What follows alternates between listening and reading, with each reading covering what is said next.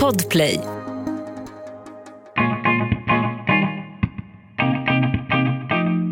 Strävan efter perfektionism har alltid funnits hos Åsa Ingrosso.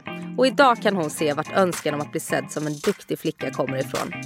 Att köra på för hårt och inte kunna bromsa fick under en period förödande konsekvenser. Men Åsa har lärt sig att se varningssignalerna i tid. Tillsammans med maken Emilio Ingrosso håller hon på att bygga ett eget restaurangimperium. Och de hemliga planerna är stora, men än så länge utan slutgiltigt mål. För just målet är inte det viktiga för Åsa. För henne handlar det om att skapa en drömtillvaro på vägen dit. Att ständigt vara i en kreativ process och kanske även få in lite stillhet och lugn i ett annars intensivt livstempo. Jag heter Anna Hegerstrand och jag vill önska dig varmt välkommen till min podcast Livshjulet med veckans gäst Åsa Ingrosso.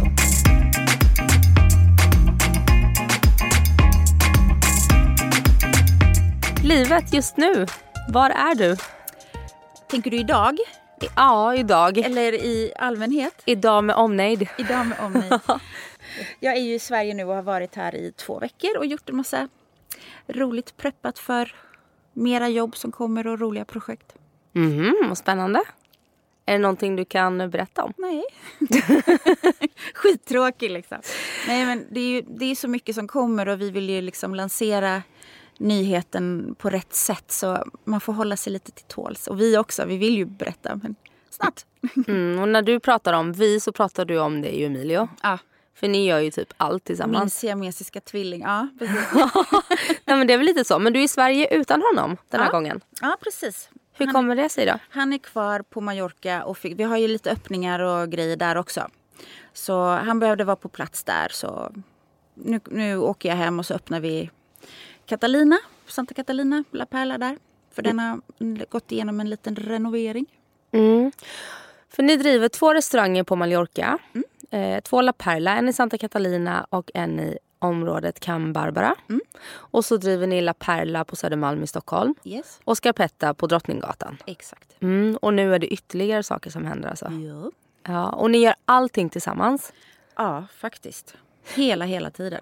Hur funkar det att vara här och jobba utan honom då? Nej, det, är, det är skitkonstigt faktiskt. Det är både lite skönt för att man, man kan göra precis vad jag vill. Liksom. Och vakna när jag vill och gå och lägga mig när jag vill.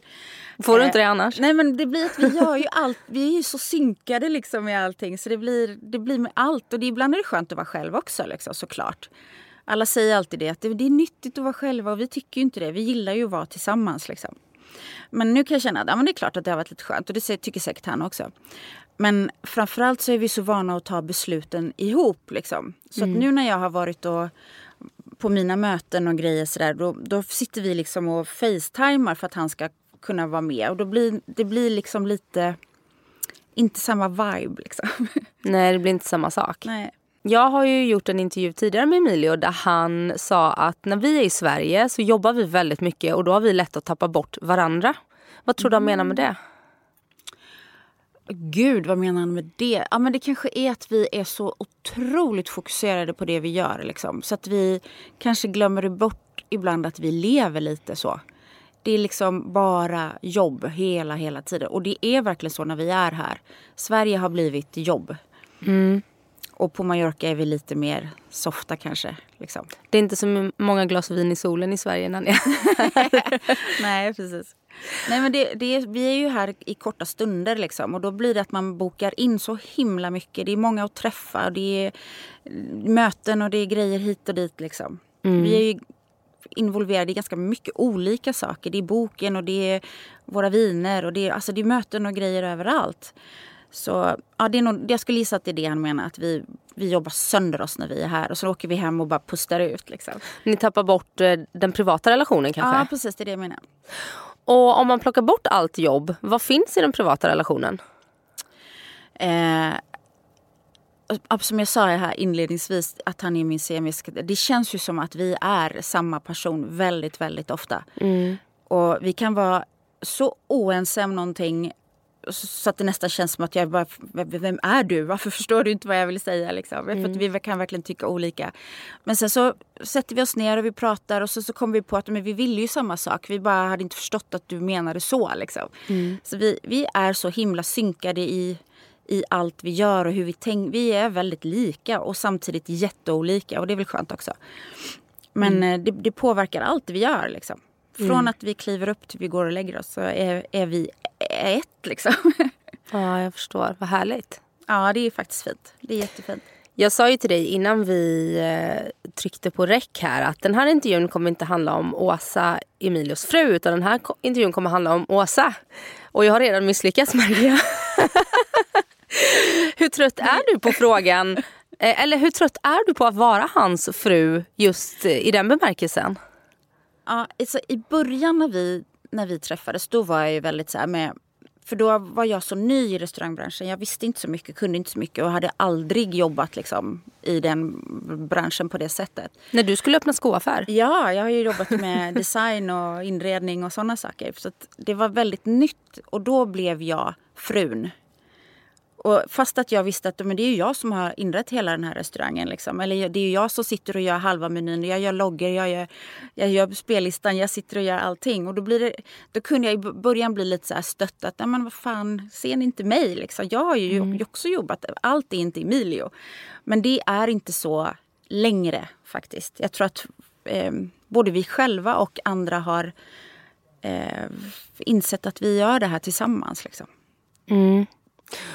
Och ni har ju anklagats för att vara enbart frontpersoner på olika varumärken. Om det sen är mm. restauranger, eller viner eller andra produkter. Eh, jag känner ju er lite och vet mm. att ni jobbar extremt hårt och lever ert jobb. Eh, och det andas ju ganska mycket avundsjuka Eh, jo, det kan man väl säga kanske. ja. Upplever du att, att det finns mycket avundsjuka riktad mot er? Ja, det gör jag faktiskt. Och det är skittråkigt för det, oftast är det ju närmare än man tror. Liksom. Eh, och det är jättetråkigt och det gör att man tappar lusten lite grann. Liksom. Nej, jag förstår. Hur hanterar ni det då? Hur hanterar du det? jag kan bli så jäkla arg. Jag kan bli riktigt arg för det känns så orättvist. Liksom. Men sen så tänker jag så här att, ja, men vad fasen, vi är ändå före. Kopiera oss, hör med, gör vad ni vill. Vi är ändå före er. Liksom. Vi mm. kommer på nya saker. Mm. Och du står ju mycket för designen, inredningen, det visuella i konceptet. Eh, mm. Du gillar ju att laga mat också va? Ja, gud ja. ja Jätte, och, jätteintresserad. Och har satt rätter på menyn. Men det är ändå, du är känd för att stå för det visuella och eh, kommer från en sån bakgrund. Kan mm. inte du berätta om vad som, hur du valde bana i livet? Det ska absolut. Först ska jag bara nämna att Emilio är extremt involverad i nya La Perla så som den ser ut nu. Vi, vi verkligen tänker utseendet på restaurangen och upplevelsen ihop. Jag ska bara säga det, Men han har också så... lärt sig lite hur du funkar eller? Ja, eller vi, vi har nog ganska lika stil liksom och vi vill ha, men han, han gör de grova bitarna och jag sätter liksom det här... Piffet? Ja, precis. Mm. Han kan säga så här, jag behöver en rangering här och jag behöver det här, det här och här måste det finnas en sån här och sen så skapar jag utifrån det liksom. Ja, jag fattar. Men vi är jätte, jättesynkade i det vi gör. Mm. att, och han är urduktig på inredning. Stenkoll. Mm. Så det, ja, det, och hur hamnade jag här? Um, jag tror att det bara var ett kall inne i kroppen. Liksom. Jag satt och såg på något tv-program vet jag när jag var liten när de höll på med lera. Det var en kvinna som gjorde stora jättefåglar som hon göt liksom, i lera. Och jag var så fascinerad över liksom, hur man hon, hon skar liksom i leran och så brände det. Och, ja, det var så häftigt. Mm. Och sen så bodde jag precis bredvid en ungdomsgård där de hade keramik nere i källan. Liksom. Så där kom jag i kontakt med, med leran första gången och blev helt såld. Liksom. Det har alltid varit ett sätt för mig att... För, alltså jag, är, jag glömmer ju tid och rum helt och hållet. Jag är helt lost liksom, när jag håller på med mina grejer. Mm. Nästan lite för manisk. och du är utbildad keramiker? Nej, inte utbildad. Jag, jag gick, eh, gymnasiet så gick jag beklädnadsteknisk så jag är faktiskt utbildad sömmerska egentligen. Mm. Och planen var att jag skulle bli... Först skulle jag bli kläddesigner och sen så lämnade jag det och så ville jag bli eh, inredare eller inredningsarkitekt. Och då går man vidare och går en, en utbildning som heter merkantil. Och man ritar mönster och sådär. Så det är liksom en väg, man kan gå textilvägen liksom för att komma dit. Men sen så, nej, då blev inte det av och så gjorde jag massa andra saker istället mm. hoppjerka. Liksom. Ja, jag fattar. Och vad är det du tycker är roligast idag? Om man tänker eh, i skapandet. Alltså är så här, om, om jag börjar med en ny grej, då är den jätterolig tills jag kan den. Då är inte det kul längre. Då måste jag liksom byta. Mm. Jag har ju försökt mig på att göra smycken eh, leran eller keramiken, jag har målat tavlor. Alltså, jag har testat det mesta. Liksom. Och när, när, det sitter sen då är det inte lika roligt av någon anledning. Jag behöver liksom utmaningar. Och det får jag med restaurangerna. Mm. För det är så otroligt mycket. Mm. Och liksom, hjärnan verkligen snurrar. Det är mycket beslut. Det, är mycket, det måste vara genomtänkt. Och, eh, att få se, vi har ju pratat om det förut i någon intervju, att Emilio är så duktig på att starta koncepten och jag är kanske lite bättre på att avsluta dem. Mm. För min stora vinst får jag när jag tänder liksom det lilla ljuset och det luktar gott i, hela lokalen och det är liksom färdigt. Nu är det dags att liksom visa det vi har gjort. Där får jag hela min och då är han redan inne på nästa projekt ah, ja, för då har han gjort ja. sin del. Ah. Men det är bra att man kompletterar varandra där. Ja det är väl bra. Ah. Men, men du sa också så att du, du kan bli, när du kan en sak så vill du gå vidare till nästa. Mm. Du är inte heller en liksom att du vill fördjupa dig jättemycket i det. Och du har ju sagt tidigare att du skulle må bra av lite mer lugn och stabilitet i tillvaron.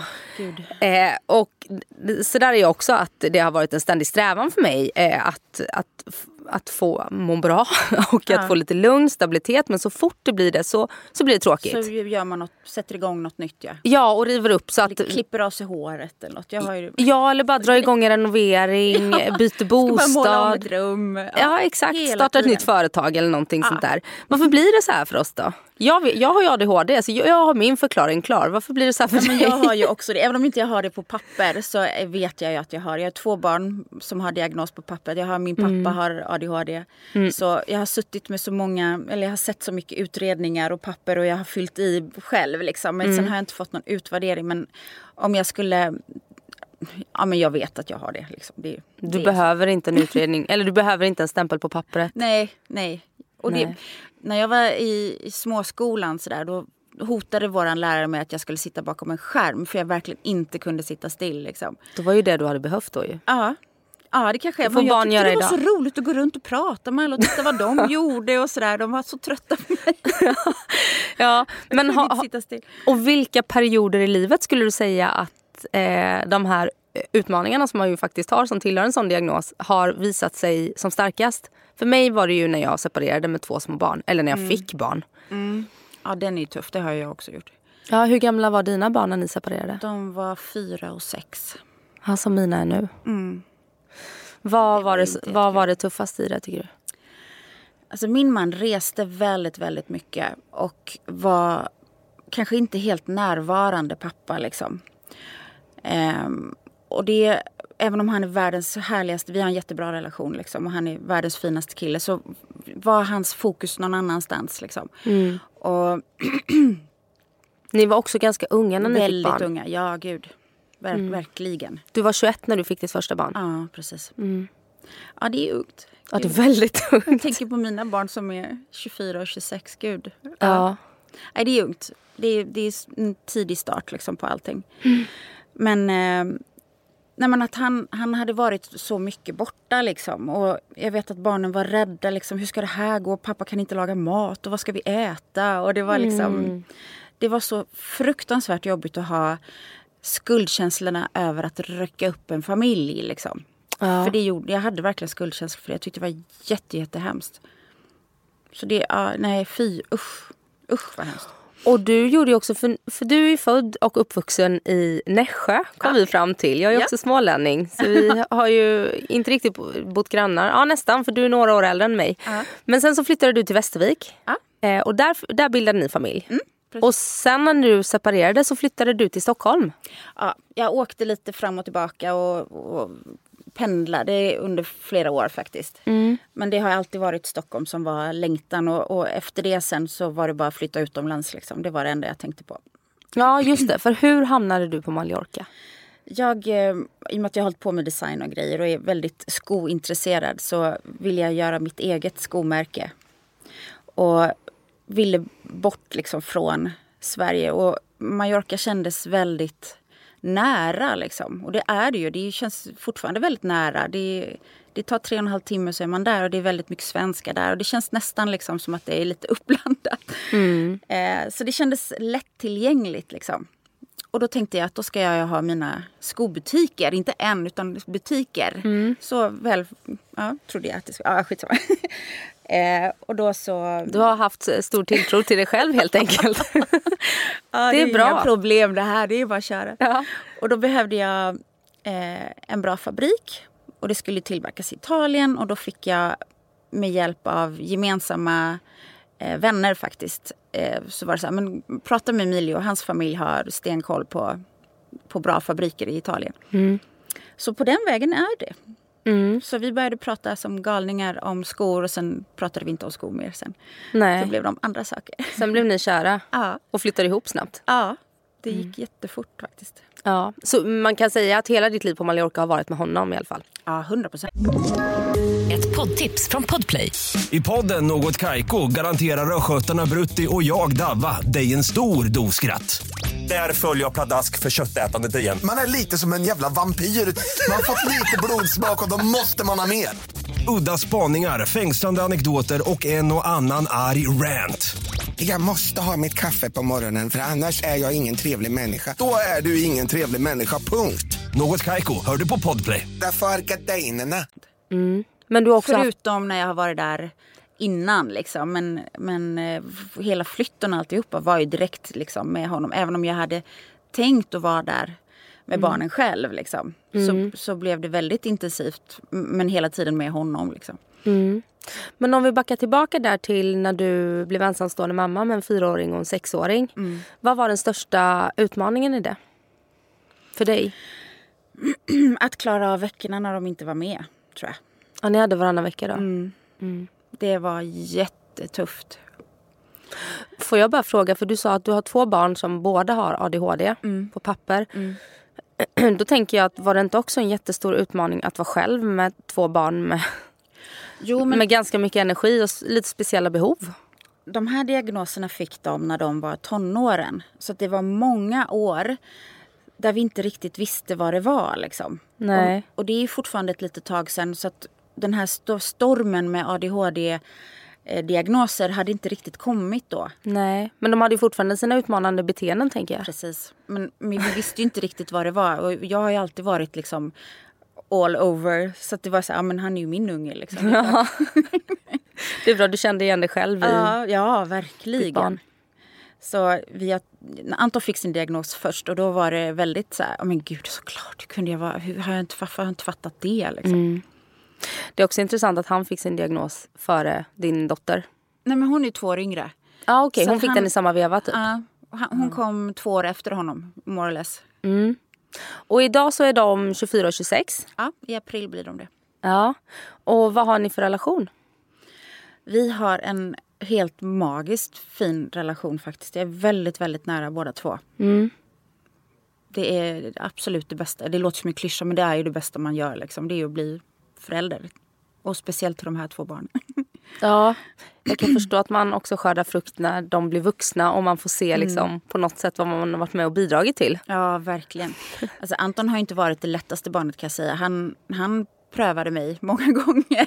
Du ska få vara barnvakt åt eh, mina barn. Och man, den här oron med, och det vet ju du också, med, med, med ADHD-diagnoser och gör jag rätt nu och varför lyssnar ingen på mig? Och, ah, Och man alltid känner sig som en dålig mamma. För man liksom Ja, inte... och andra föräldrar runt omkring som himlar med ögonen. Och, ja, de tycker att man inte liksom gör... Alla har ju små tips också hur man ska göra. Alla Ja. vet ju det bästa. Liksom. Man älskar ju små gärna tips. tala om det. Ja. Så, nej, det, det är ju tufft liksom, att vara ensamstående med två barn som, precis som du säger, faktiskt har beteendena. Liksom. Mm. Hur länge var du ensam med dem innan du och Emilio träffades? Alltså, vi träffades för, för eh, vad är det nu, snart nio år sedan. Så de, var ju, de var ju stora. Lina Ja. var ju tonåring. Liksom. Så Ja, det just ganska många år senare.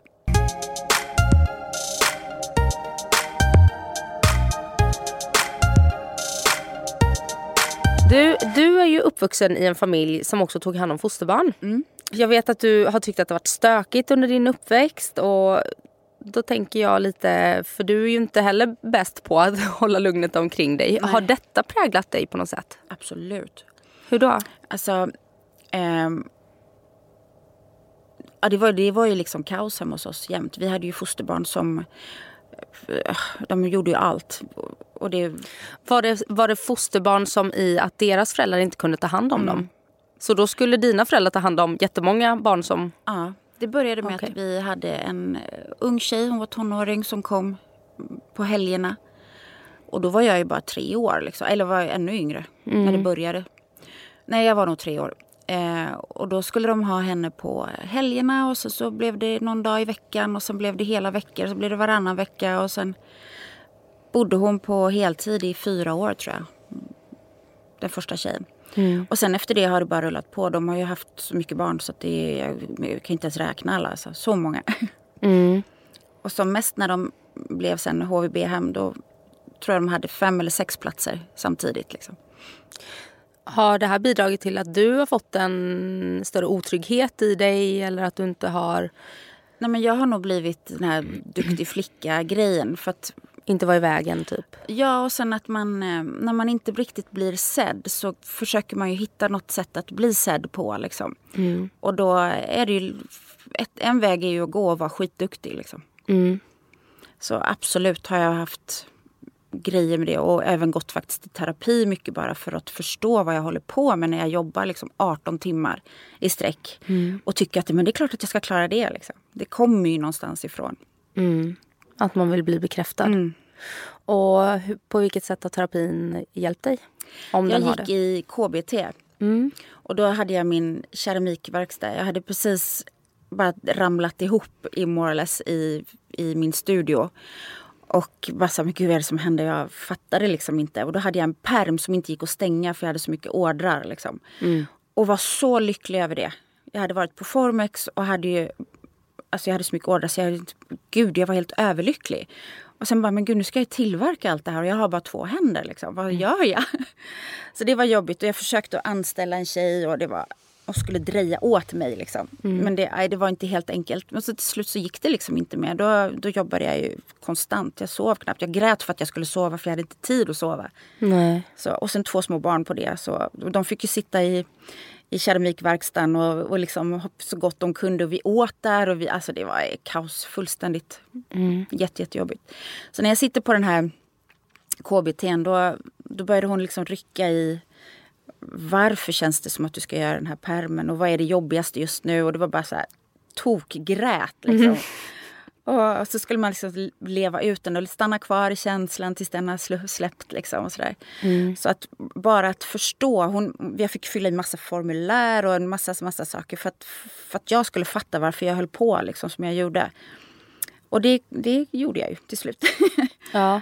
det är en häftig eh, metod, KBT, faktiskt. Och vad resulterar det i då? Någon beteendeförändring? Ja, ehm, jag började med att, ha två telefoner. Så att jag hade en till arbetet och sen hade jag en privat. Så att jag kunde stänga av arbetstelefonen. Så att man verkligen bara hade de tiderna. Jag fick lära mig att liksom klocka mig själv. Eh, så att jag liksom verkligen bara skulle jobba en heltid och inte mer. Alltså massa såna här tricks liksom för att, för att liksom stoppa sig själv. När hjärnan vill liksom mer av någon anledning. Alltså pusha sig själv hela tiden. Har du tagit med dig det? Lever du fortfarande så idag? Alltså jag blev ganska sjuk. Jag kunde nästan inte jobba på ett och ett halvt år alls. Liksom. För För jag kräktes när jag kände lerdoften. Jag kunde knappt vara inne i min verkstad. Är det någon slags tecken på utbrändhet då eller? Ja, fullständigt. Kol liksom. Jag var så trött och bara, ah, jag orkar inte göra någonting. Det var, det var faktiskt jättejobbigt. Eh, Jobbigt också att känna att så här, jag kräks när jag känner den här doften så jag kan Mm. inte göra det jag jag älskar. med. Ja, Det blir ju bra. ja, men precis. Ja. Nej, jag lämnade faktiskt keramiken och så tog jag ett vanligt jobb bara för att slippa liksom, sitta med alltihopa. Jag behövde bara pausa allting. Jo, kunde du jobba heltid då? Ja, det gjorde jag faktiskt sen. Men det, då hade det gått ett litet tag. Men sen så gick det bra att jobba igen. Har du, eh, för jag vet ju att du jobbar mycket. Och eh, när vi liksom ska boka den här intervjun till exempel så kan man få svar halv elva en lördagkväll. Ja, eller Så att- två på natten. Ja, eller två på natten. Så det känns inte som att den här arbetstelefonen lever vidare. Nej, men det som är skillnaden nu, det var det jag skulle säga men jag tappade bort mig förut. Ja. Eh, det som hände med att jag blev så sjuk, liksom, det finns någon sån här plingeling, nu måste du sakta ner liksom. Som är någon inbyggd grej. Så att jag hamnar liksom aldrig i den där trötthetskaosgrejen längre. Någonting stoppar liksom. Och, jag, och sen blir man ju äldre och lite klokare kanske. Så Mm. Och att- tröttare. Ja, men, ja dels det. Så, så kan jag känna så att ja, men jag måste inte tapetsera till fem på morgonen. Jag kan faktiskt gå och lägga mig så fortsätter jag imorgon. Eller imorgon. Jag behöver inte göra det precis just nu. Och det, det, det är ju det där som har varit... Jag har, jag har liksom tävlat med mig själv nästan och kollat. Så här, kan jag vara klar till sex på morgonen här nu så kör jag färdigt så är det klart sen. Liksom. Så kan alla titta på vad fint det blev. Har du också blivit bekräftad från omgivningen hur duktig du är Ja, och vad mycket vad du kör och Ja, allt du tar i blir Har så du bra? fler timmar på ditt dygn än vad vi har? Och hur kan du hinna med allting? Och... Det är det, är det såna sjuka ideal som premieras i samhället. Att man bara ska vara så Mm. Duktig som möjligt, Ja. så smal som möjligt. Alltså, som inte är sunt. Ja, och som jag skrev någon gång på, på min Instagram. Jag har liksom, hela mitt liv har jag försökt att ef- eftersträva någon perfektion liksom, i allt jag gör. Och det är klart att det går ju inte. Liksom. Man, måste man får välja vem man vill vara och vad som är viktigt liksom, i livet.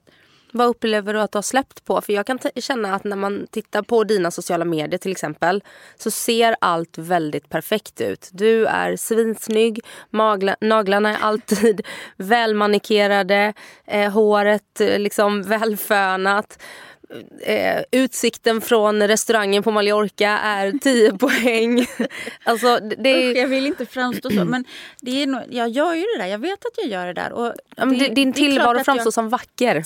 Ja, men jag går också i, i osminkad i tofs och slafsiga jeans. Liksom. Eller, Men vi ser sällan det. Nej, nej och det, det kanske är bara jag som ska bli bättre på att lägga upp det. Liksom. För det finns ju där precis som alla andra.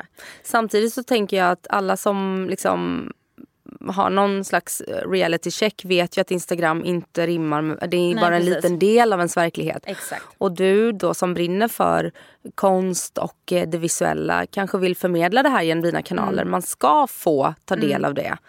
Du kanske inte behöver vara den som visar det som någon annan visar. Nej, det är sant. Det är sant. Men jag tror också att den här letan efter perfektion, för Emilio är precis likadan. Det är också det som gör att vi, tror jag, lyckas så bra med våra koncept. För att det är så genomkollat åt alla håll och kanter. Liksom. Det finns inga vägar och, och där det kan sippra igenom någonting för vi har verkligen kollat allt. Och om vi skulle släppa på det då kanske vi skulle, ja, jag förstår vad jag menar. Det finns ju något gott i att man är så petig liksom Såklart. och som kan ge framgång liksom, i det. Men Mm. så måste, det, är, det är en jäkla svår balansgång alltså. Det viktiga är bara att man inte kopplar ihop liksom sitt egenvärde med den Mm. Ja. perfektionisten. Och det är lätt att man Precis. gör det. Ja, det, det hänger ju ihop liksom. Ja. Hur eh, går det i terapi då? Idag, Ja, eller nu för tiden. nu för tiden, nej det gör jag faktiskt inte. Och det är ett litet tag sedan jag slutade med det. Eh, och sen tror jag aldrig att man blir riktigt klar med sin självutveckling. Nej. Men jag har läst tonvis med självhjälpsböcker och lyssnat på ljudböcker och alltihopa. Men även gått i riktig terapi liksom. Hos lite olika personer. Och den ena har väl varit bättre än den andra och någon har varit sämre än någon annan. Så, och det är det ju så liksom.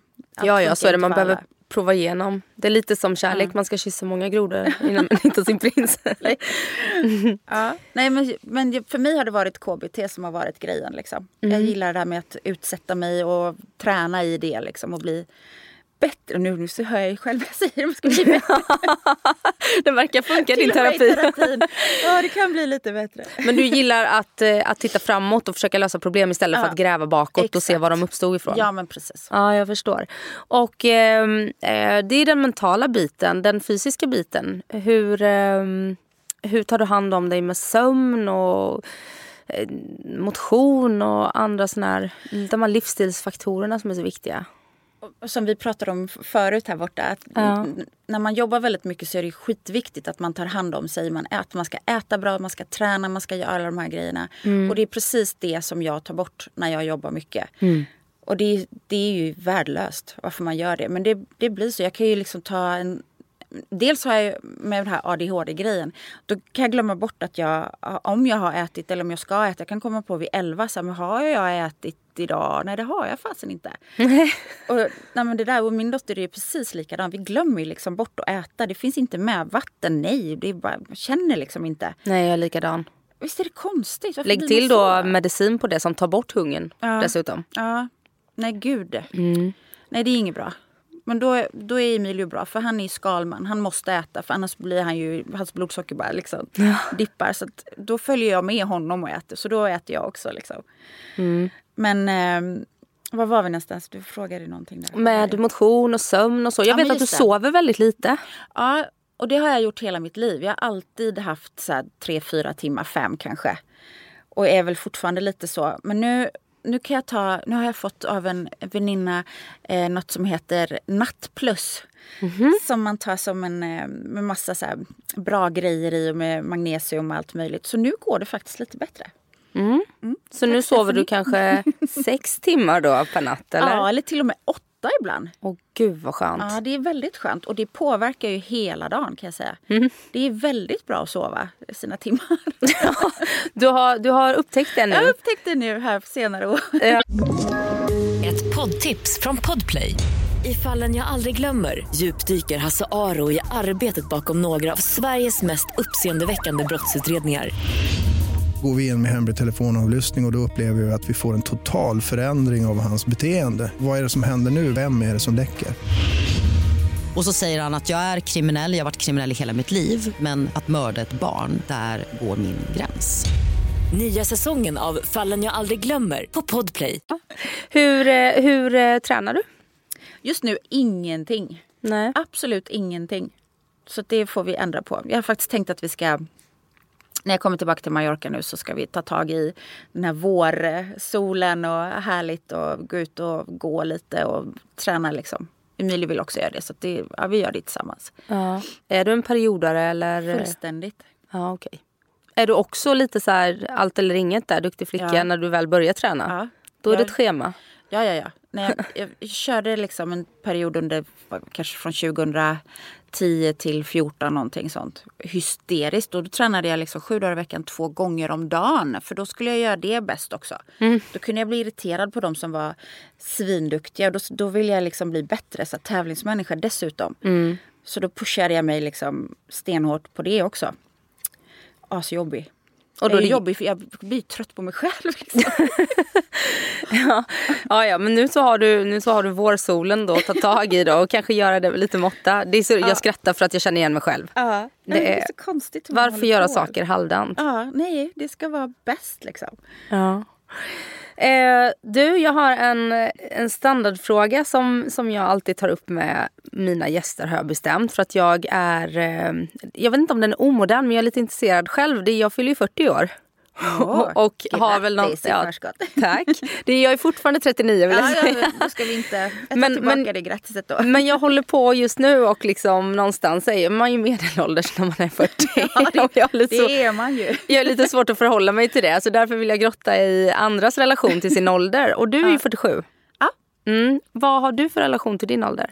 Men vet du, jag pratade med en väninna igår om det här och det, jag tror att jag kommer ha skittufft med det här. Jag tycker faktiskt att det är lite jobbigt. Vad är det som är jobbigt? Nej, men jag, jag, jag kan titta på min hud och den är inte lika spänstig längre. Och hur ska det bli sen? Och man ska liksom acceptera en massa. Liksom. Jag, ibland du vet man får upp telefonen och så kommer själv kameran. Alltså kameran Det är hemskt. Nej, men jag flippar. Alltså, jag tycker det är skitjobbigt. Och så blir jag arg på mig själv för att jag tycker att det är jobbigt. För det vill jag ju inte tycka. För det är också lite tabu tycka att det är jobbigt. För man ska Ja. ju älska sig själv. Ja, och det är så väldigt så push på det nu. Att allt ska vara naturligt och det ska vara så fint och bra allting och alla ska bara...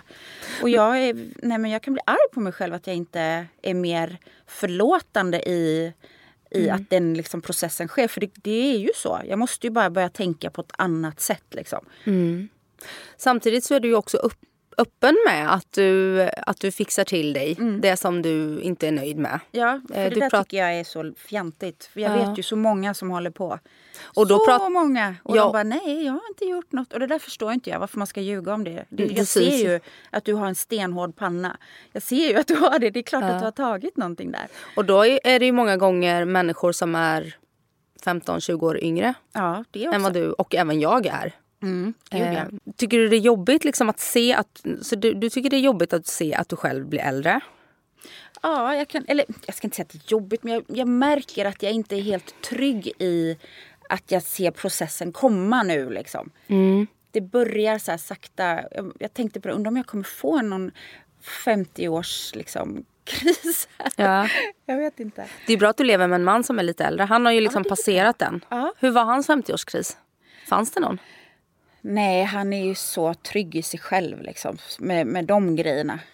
Nej, han gick inte upp så här fem på morgonen och tog på sig cykelbyxorna och cyklade runt Mallorca.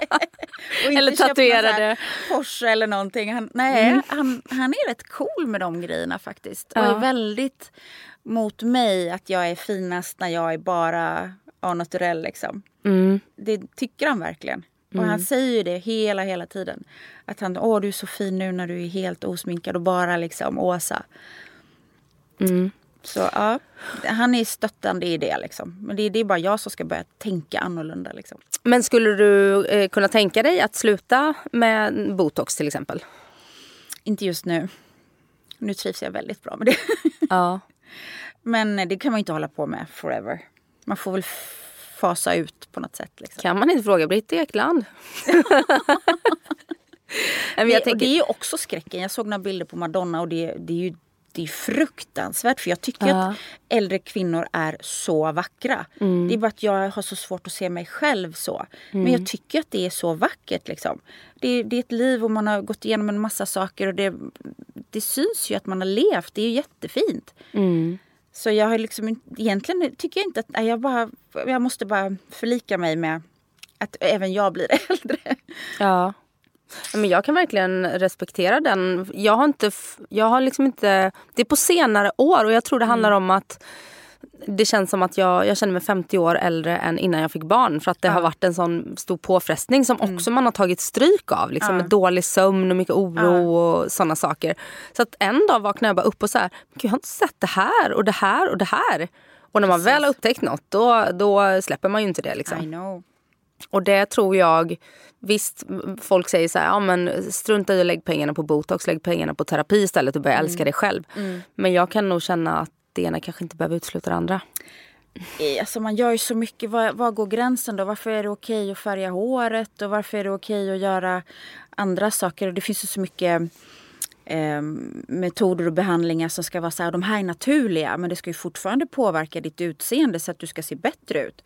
Det kan jag tycka är lite dubbelmoral faktiskt.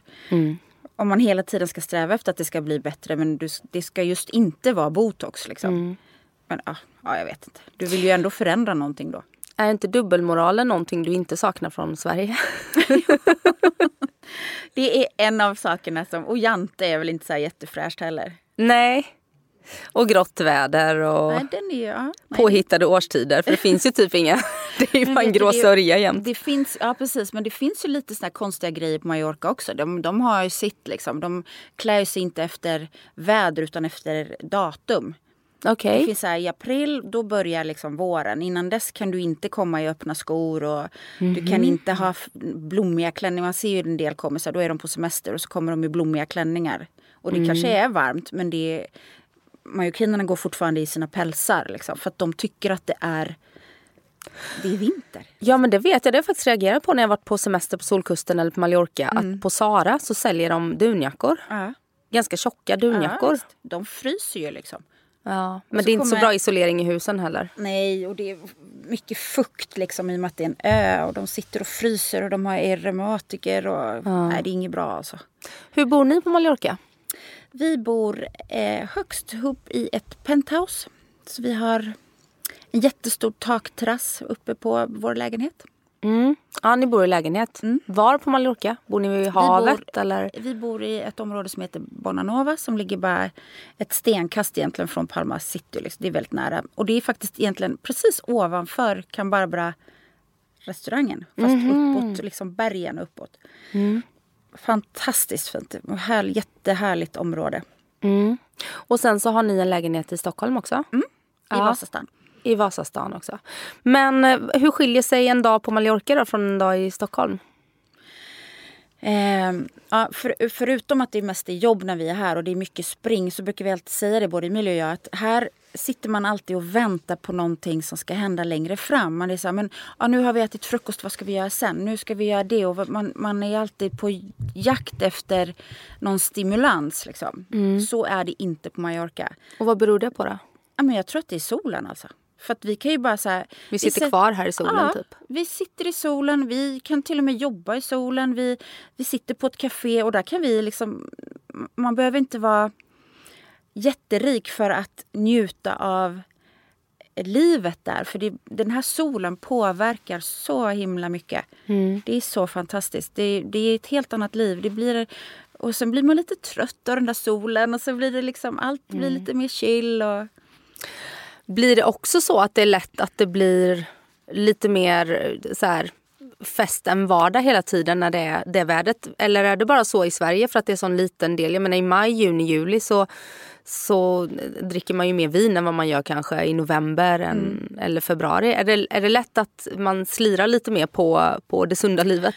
Alltså vi är väldigt sparsamma med alkohol i, i allmänhet faktiskt. Vi dricker inte speciellt mycket alkohol. Eh, och eh, jag tror att jag har, det du säger har jag sett hos många. Men vi lever inte riktigt så. Dessutom har vi alltid jobbat här. Så att vi är inte här. Många som, som har sin, eh, sitt boende på Mallorca de har kanske lämnat mycket av sin tid i Sverige. De kanske är där halvårsvis och när de är där då är de på lite så här semester. Då tror jag absolut att det finns en risk att man hamnar i när vardagen blir fest. Liksom. Men vi har aldrig levt så. så att det, vi, nej, vi, vi hamnar aldrig där. Liksom. Det är inte ett problem. Nej. Och hur stor procent av året är ni på Mallorca? Eh, vi är ju skrivna där och bor där. Liksom, så att vi är ju öbor liksom, helt och hållet. Och sen så gör vi kanske, vad ska jag säga om vi snittar en gång i månaden kanske är vi i Sverige. Om vi skulle snitta det. Mm, men det är ganska ofta ändå. Ja. Ja. Och Och, har ju coronan och allt gjort att allting har blivit helt konstigt. Jag var ju här i tio månader i sträck. Det hade jag inte kanske väntat mig. nej, men det kanske var skönare att vara här för det var lockdown på Mallorca eller? Ja, ja det var det. Ja, den var inte så kul. Men sen när det öpp- öppnade upp och så. Så mm, då var jag fortfarande kvar här. För då kom jag inte hem för då hade jag haft corona. Så då testade jag positivt i en evighet. Jag fick liksom inte bort det där jäkla testet. Så det var lite mäckigt. Så jag blev kvar här längre än vad jag hade tänkt. Bara på grund av det. Sen var det skönt att komma hem. Sen var det väldigt skönt. Jag tror till och med att jag släppte en liten tår. Ja, jag förstår det. Vad, framåt nu då, 2022, förutom att ni har massa hemliga projekt. Och sen så vet jag att ni också eh, har någon slags franchising-koncept Yes. för era restauranger. Ja. Kan inte du berätta lite om det? Eh, ja, men vi har ju två restauranger i La Perla på Mallorca och de är våra. Liksom. Men sen så kände vi att om vi ska göra det här på riktigt och vi verkligen ska bredda oss då måste vi släppa kontrollen lite. Så vi har faktiskt inlett franchise, eh, ett ägande av franchiseverksamhet mot de restaurangerna som vi har i Sverige. Ja, Okej, och vad franchise, franchisar man då? Eh, vi gör hela konceptet, vi sätter menyn, vi, vi står för allt som, som restaurangen är. Liksom. Och franchisetagaren eh, köper ju liksom konceptet, eller hyr konceptet kan man väl säga. Ja. Eh, och då får de ju mer eller mindre rätta sig efter det som vi vill. Liksom. För det, vi lever ju i våra restauranger. Det är fortfarande liksom, även om, om vi inte står som ägare på bolaget så är restaurangen känns ju fortfarande som min. Liksom, för det, allt där inne är skapat av oss. Liksom. ja, just det. Och vi har stenkoll på vad som händer. Vi sätter menyerna och vi ändrar liksom det som behövs ändras. och Så, där. så att vi bestämmer ju liksom hur det ska vara och se ut. Och då är min första tanke då om man är perfektionist. jag franchisar ut någonting jag har satt min kvalitetsstämpel på. Hur kontrollerar jag så att den Sjukt upprätt... svårt. Ja, Det här är ett, ett litet problem. Nu, nu har det funkat jättebra och de har lyssnat in liksom. Men eh, ja, det, det är lite bökigt faktiskt. Och ibland får man...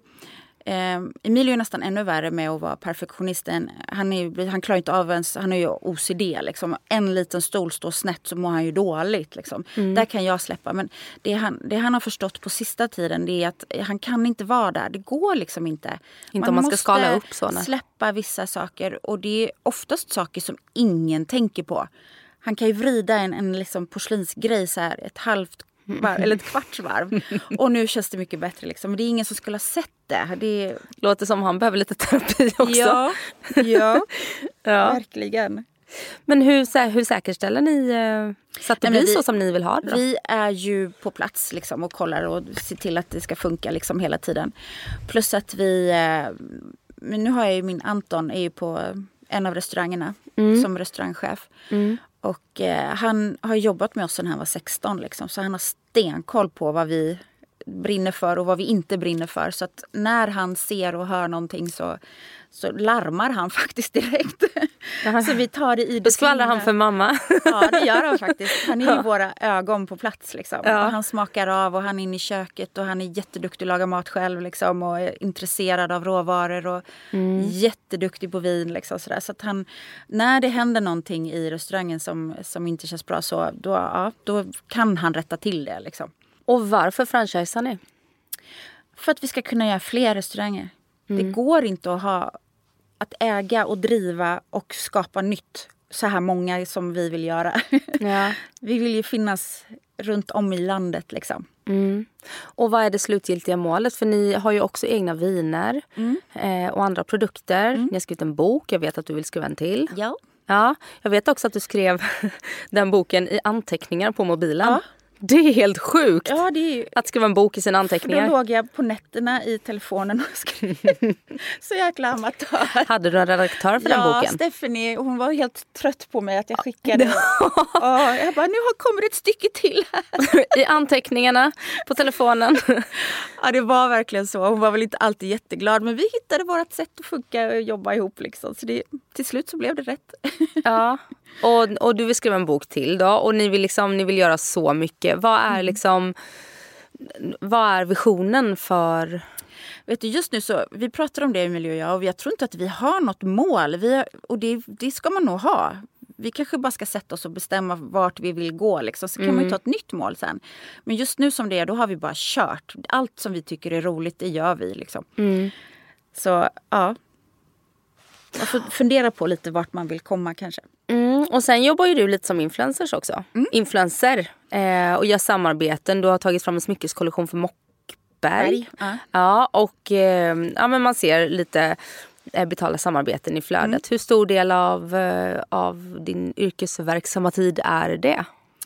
Är det hobb på hobbynivå eller? Ja, det skulle jag säga. Och i lång tid så sa jag att jag absolut inte kan ta mig själv som influencer. Jag vill liksom inte eh, gå in i det rummet. Liksom. Nej. För jag har egentligen bara visat det som jag tycker är fint eller bra eller står för. Jag har varit väldigt, väldigt liksom, noggrann med och vad jag pratar för. Liksom, när jag pratar om eh, en hudkräm till exempel, då använder jag den för att jag tycker att den är bra. Liksom. Jag vill Ja. att alla ska tro på det jag gör. Liksom, för det är viktigt för mig. Igen, att det är bra. Liksom. Det ska vara toppa så. så att, det kändes inte som att man jag kunde inte se mig själv som en influencer. Men det är ju det man säger att det är. Så jag får väl bara liksom... I hate to break it to you, you are. ja. Ja, nej men det tar Det är väl en fantastisk liten så här, sidoinkomst. Ja, det är jätte, jätteroligt. Det är ju faktiskt ganska kul också. Jag tycker att det är kul. Så ja, nej men det tar väl det tar ju några timmar liksom. Och det, framförallt så själva samarbetet i sig kanske inte tar så lång tid. Men efter liksom, det är mycket som ska tas hand om. Det kommer frågor, det är eh, folk som undrar saker. Hur, hur funkar det här? Och hur, så ska man sitta och svara liksom alla följare och sådär. Och jag är ganska duktig tror jag på att göra det. Jag vill gärna finnas tillgänglig liksom, om någon vill fråga något och sådär.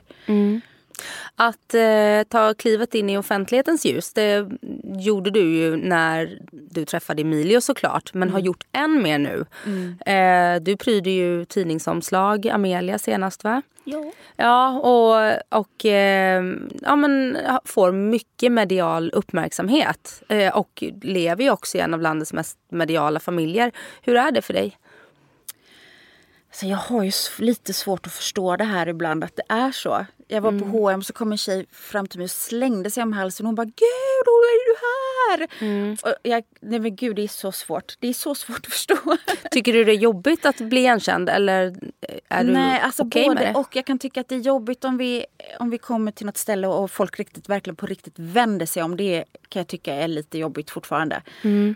Eh, för jag tänker på Mallorca har ju du varit liksom en offentlig profil länge. Men mm. det är ju på grund av era restauranger. Idag så kan jag tänka att många känner igen dig lika mycket från andra mediala sammanhang mm. som att man vet att du är medgrundare av La Perla och mm. Petta. Ja. Äh, jag, jag har verkligen inget bra svar på det för jag tycker fortfarande känns, att det känns så ovant för mig. Liksom. Jag är fortfarande en, en bonna-tjej liksom, någonstans. Så det, det, är lite ovant att, vara, att man ska känna... Och, och, just det här att man ska säga att man är kändis, det är fruktansvärt. Jag vill helst inte ens... Usch, jag vill inte ens ta det i munnen. det känns konstigt. Men det, det var ingenting som du, när du träffade Emilio, det var ingenting som du kände så här, nej det här vill jag inte ha? In, nej, nej, inte så. Inte att jag liksom sa nej till det, men jag Alltså när, när vi träffades då var ju barnen ganska unga. De var ju tonåringar. Mm. Små tonåringar. Mm. Så deras extrema hype kom ju mm. långt senare. Jag pratar om Bianca och Benjamin ja, då? precis. Mm. Eh, så att det fanns aldrig så här, gud ska jag gå in i det här att det är jättestort? För att Emilio levde på Mallorca, det var inte så mycket sus om honom. Och ja, tvärtom barnen. försökte väl han mer att inte ha så mycket sus ja, omkring precis, sig. exakt. Han ville mm. ju bort från allting. Så nej men jag satt aldrig och tänkte så här, nu kommer jag bli jättekänd. Nu kommer alla veta vem jag är. I made it! nej, nej, Det, var, det var verkligen inte så. Liksom. Det var väldigt lågmält skulle jag säga. Sen har ju de alltid varit kända och alla vet vilka de är och sådär. Mm. Men den här superhypen kom ju betydligt långt senare sen. Mm. Och då hade jag hunnit vänja mig kanske lite. Ja, jag förstår. Samtidigt så skulle jag väl säga att hans kändisskap eh, och det som ni har omkring er gör ju också möjligt, det möjligt för er att förverkliga era drömmar. Ja, det ger ju det en gräddfil ingen... in i, ja, rampljuset och Absolut. att folk får veta vad ni håller på med. Och det har ju ni ju förvaltat väl. Ja, att, kanske. Ja. ja med allt ni håller på med. Mm. Skulle jag säga. Ja. Som sitter utifrån och tittar på. Ja. Um, och själv då, ditt eget skapande. Du har ju gjort en kollektion för Mockberg. Mm. Uh, och nu så håller ni på med hemliga koncept. Har du något annat sådär? Du är ju utbildad sömmerska. Ja, har du liksom så några kreativa drömmar du vill göra? Så mycket roligt som jag vill göra. Jag har, allt kanske man inte ska göra heller. Det går inte att pusha det där för hårt. Liksom, för då känns det lite som att man vattnar ur sig själv. Mm. Så det där är också en balansgång så att det fortfarande ska kännas liksom fräscht och bra hela tiden. Så man får välja med omsorg. Men eh, jag jobbar jättemycket med Hallberg så gör lampor och grejer. Ja. Så det kanske kommer något snart. Mm. Spännande. Mm. Och, och du, du har också fått mycket uppmärksamhet för din eh, inredning. Du har eh, renoverat din sons lägenhet. Mm. Och du har gett Bianca med inredningen av hennes lägenhet och du visar upp ditt hem. Man kan inte anlita dig som konsult? Förr kunde man det, men inte nu längre. Nu, nu hinner jag faktiskt inte. Även om jag skulle Nej. tycka att det var väldigt roligt så, så har jag liksom inte tid.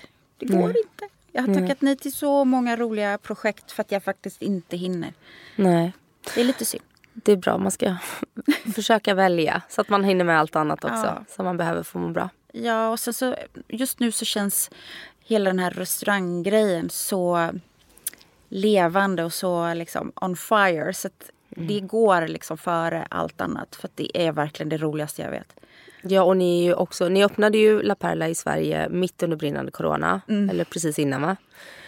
ja, och den har ju ändå flugit och gått som ja, tåget. Det är helt otroligt mm, faktiskt. Och Scarpetta går som tåget också vad jag förstår. Mm. Nu är ju folk verkligen sugna på att ja, gå ut och unna sig. och lufta sina vingar vilket mm. är helt förståeligt. Ja, ja det är en bra tid. Lycka till med att få tag i eh, personal bara. Ja, Det är ju ett ständigt problem. Om någon vill ha jobb så kom till oss. Ja, exakt. Och om man vill komma i kontakt med dig, då skriver man till dig på Instagram, eller? Ja, det går bra. Mm. Det går bra. Åsa, tusen tack för att du ville komma och gästa Livshjulet. Tack snälla för att jag fick komma. Ta hand om dig. Du med. Hej då.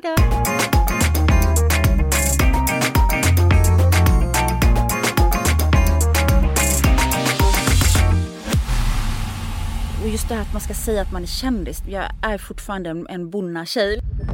Podplay, en del av Power Media. Ett poddtips från Podplay. I podden Något Kaiko garanterar östgötarna Brutti och jag, Davva, dig en stor dos skratt.